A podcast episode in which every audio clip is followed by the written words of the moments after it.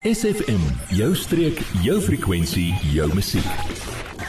Tydjie van tot klein op 'n donderdag hier by SFM. Like gesels met Fred Orban, ons beweeg 'n nuwe maand in.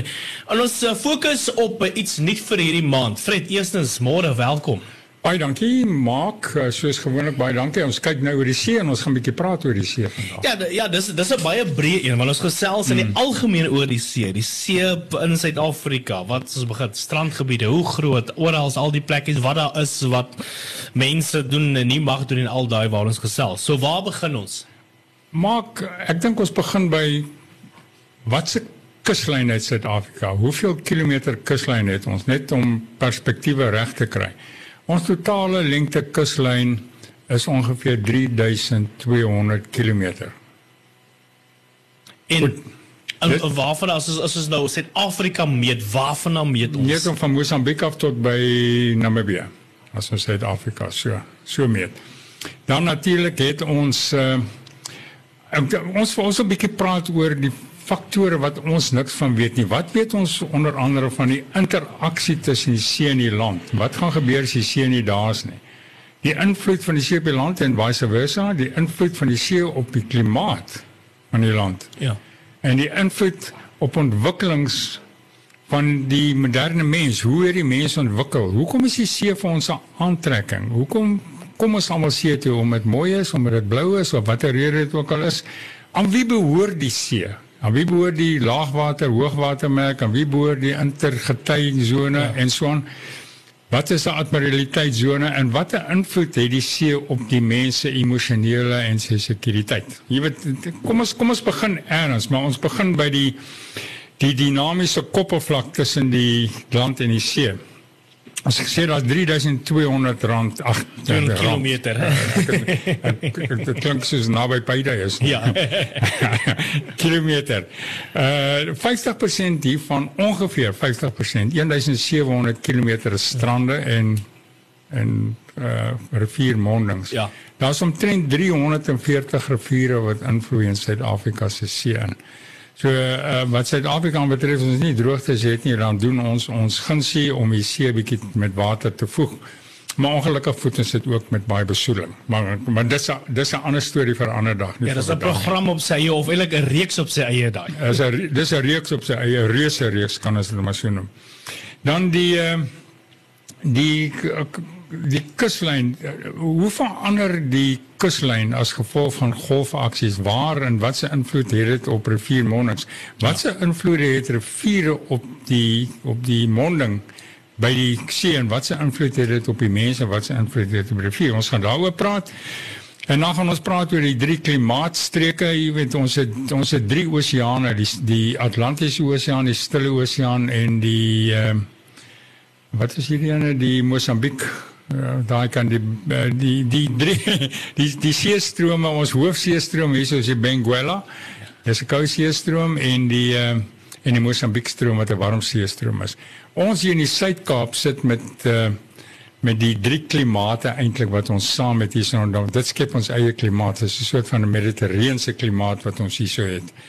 Maar ek dink in in ons volgende inset gaan ons 'n bietjie gesels oor uh, die die Weskus. Kom ons begin by die Weskus. Ja. Wat se invloed het die see op die Weskus? Die suidkus en dan op die ooskus. Word deel van ons Facebookblad vandag nog facebook.com vorentoe skuinstreepie sfm streek. Dis van kus tot kuier ek gesels met Fred Orban en ons vir die nuwe maand te fokus ons so bietjie op die oseane, die see self, uh, wat die mens doen en die impak daar rondom.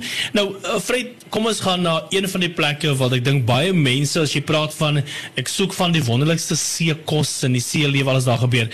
Dan hardloop ons een punt en dis Weskus daar langs die yeah. Ja. Weskus af dis waar dit lekker is en ons weet as jy al gaan jy op YouTube jy tik net daar in 'n Weskus seekos en ek sien jy al die lekker wat daarop kom ek het nou onlangs 'n reeks op YouTube gekyk ja. waar 'n Amerikaner Suid-Afrika toe gekom het en die verskillende kulture kom besoek en sy laaste draai was gewees Weskus so hy gaan seekos by die Weskus in die Weskus gaan eet en by die mense wat daar in of uit die see uit lewe ja mm. dit was baie interessant geweest maar uh, kom ons gesels 'n bietjie daaroor oor die Weskus die impak daar in die Weskus wel die Weskus het 'n koue klimaat. Uh, die die Weskus self is nie koud nie, die ja. land is nie koud nie, maar die seestrome is baie koud.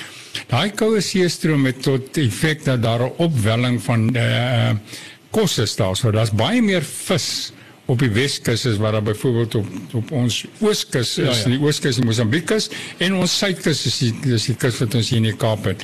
Ons hier in die Kaap het ons maar en ons veral ons deel van die Kaap het ons die twee oseane en die eintlik die drie oseane wat bymekaar kom. Maar die Weskus uh, klimaat en die Weskus is droog en dit is woestyne. Hoekom is dit so? Want daar die koue water wat daar is, daar waai nie vog op die op die land nie. Die een die vog wat op die land waai word as gevolg van die woestyne word dit word daai uh, dit afgekoel en dan word dit vog. So by ons is dit basies Karoo en Morikus.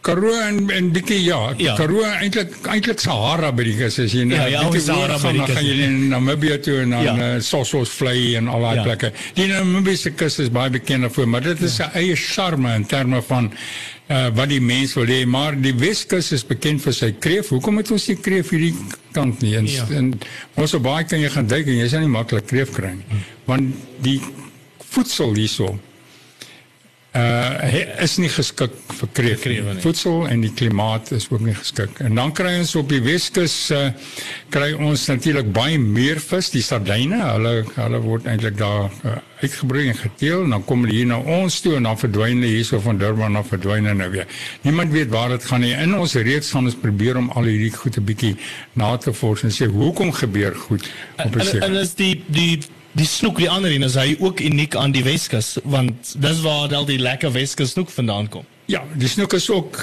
endemies in die Weskus. Ja. Ons kry die snoek hier by ons. Ja.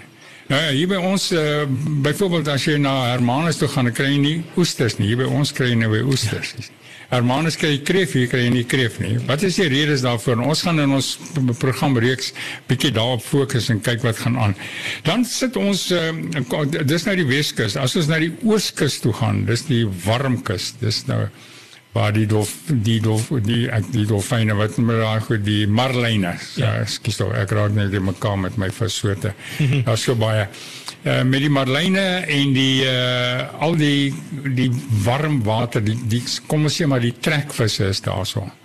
En uh, in Namibië is dit weer anders met vis. Die ooskus se klimaat en as gevolg van die seestrome wat warm is veroorsaak 'n subtropiese klimaat. So die Wes, ag die ooskus is 'n is 'n gebied van Suid-Afrika en van Afrika ook wat hoofsaaklik baie reën. Dis as gevolg van die klimaat wat die see het. En dan kom daai die koue dag die warm water van Mosambiek uh, en die koue water van die Benguela stroom aan die Weskus kom bymekaar hier in ons liewe Kaap. En dis hoekom ons het eintlik wat hulle noem 'n mediterrane klimaat.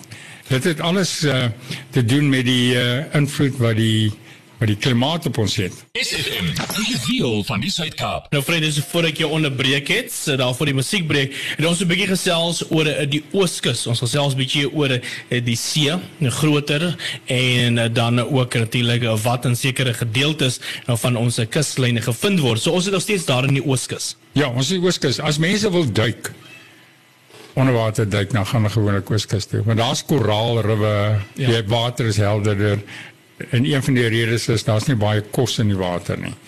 Die Weskusse water is stroebel omdat dit plankton en allerlei soorte voedsel vat. Dis hoekom maar baie meer vis dis daai kant hier ook. Ehm die uh, die woestyne uh, as die woestyne op die ooskus kry jy ook die uh, die, die koraal en natuurlik die intermediêre klimaat, dis die mediterrane klimaat wat afkom na die suide toe.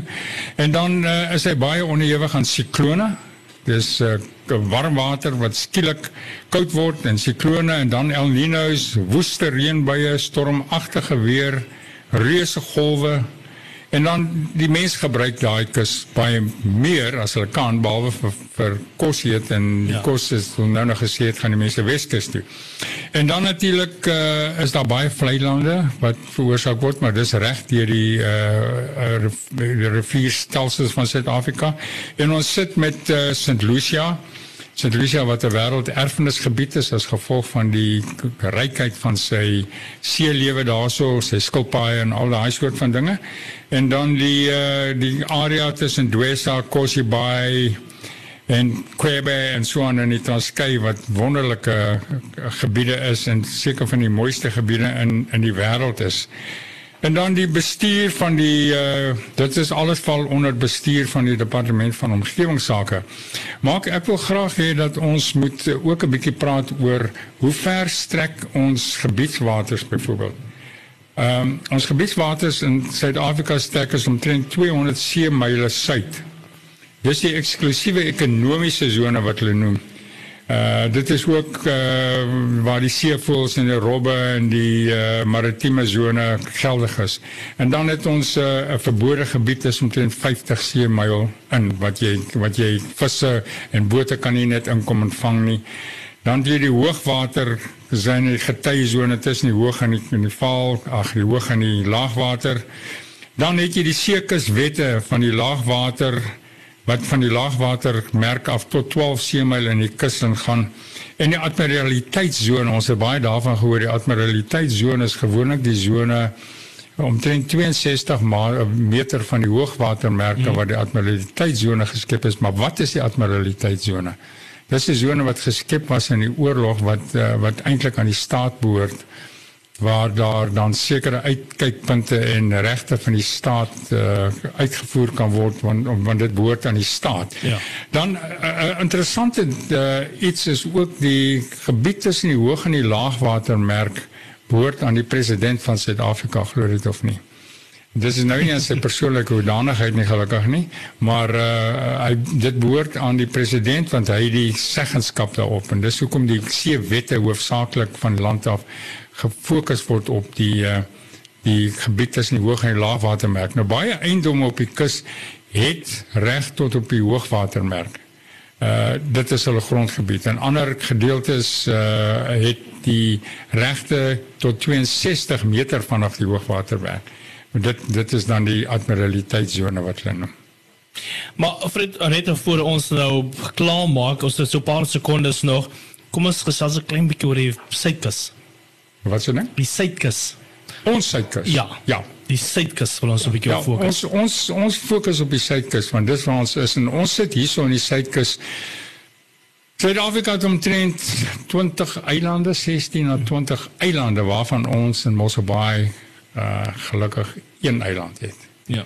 En hierdie eilande vorm ook 'n baie belangrike skakel in die ontwikkeling van robbe en en en haie en die ja. teenwoordigheid van wit haie en so aan. So alles in die see het uh, het 'n doel. En uh, op die suidkus is ons hierso as ons so uitkyk hiernatoe dan sien ons net huise en huise en huise en huise en dit gaan aan. Dis hoekom daar ook 'n wet ingestel is wat mense nou nie nader as 1 km van die kus af in baie meeste gebiede kan ontwikkel as dan nie reeds regte op bestaan nie. Ja. En dis ter beskerming van daai sensitiewe sone wat uh, baie sensitief is argeologies ook baie sensitief is want dit is waar daar getuie gevind word van die oermense hoe hulle hier so geleef en geloop het ja. en so en wat toe later die die koi geword het of die koi san geword het is die san voor dit nog ander mense wat ons nie weet hoe hulle gelyk het nie. Ja. Maar en en dit is en daai daai word uitgebeeld op die oomblik by die St. Blaise grot Daar is 'n uitstalling daarso wat gehou word wat die uh, ontstaan van die moderne mens hier so en die mense het hier ontstaan hoofsaaklik van die beskikbaarheid van kos op die water. Want as jy see toe gegaan het, weet jy elke 6 ure kon jy eet. Ja. Want jy al net skulpvis uit op jy vang vis in 'n in 'n 'n visvywer wat ook al dit mag gewees het. So dis een van die redes hoekom die mense van die suidkus uh, hou en hoekom mense hier na toe kom. Ja, maar daai was die lewe daar nog seker nog lekker want die mens kyk aan die see en die see kyk aan die mens. Ja, vandag het ons uh, gedink ons neem beheer van die see. Dit kom in later programme die oorbenutting van visvangbronne, die oorbenutting uh van uh ons seekosse wat gaan word daarvan as dan nie meer kos in die see is nie dit ja. dis probleme wat ons voorstel maar ons wil nie net verdoem nie ons wil liewer net die prentjie skep soos hy is en dan kan ons self besluit hoekom sekere wette gemaak word, hoekom sekere dinge gedoen word en ander nie. gedoen word ja. Yep. Fred, dis al vir ons tyd baie dankie weer eens vir die inkomme en die inligting volgende week. Ek gaan ons maar net weer aan op hierdie reeks en dan fokus 'n bietjie nog verder op ons see, ons kuslyn en al daai. Baie dankie, waardeer. Mooi dag. Baie dankie maar. Adverteer jou besigheid vandag nog op SFM. Vir meer inligting skakel SFM gerus by 044 801 7811.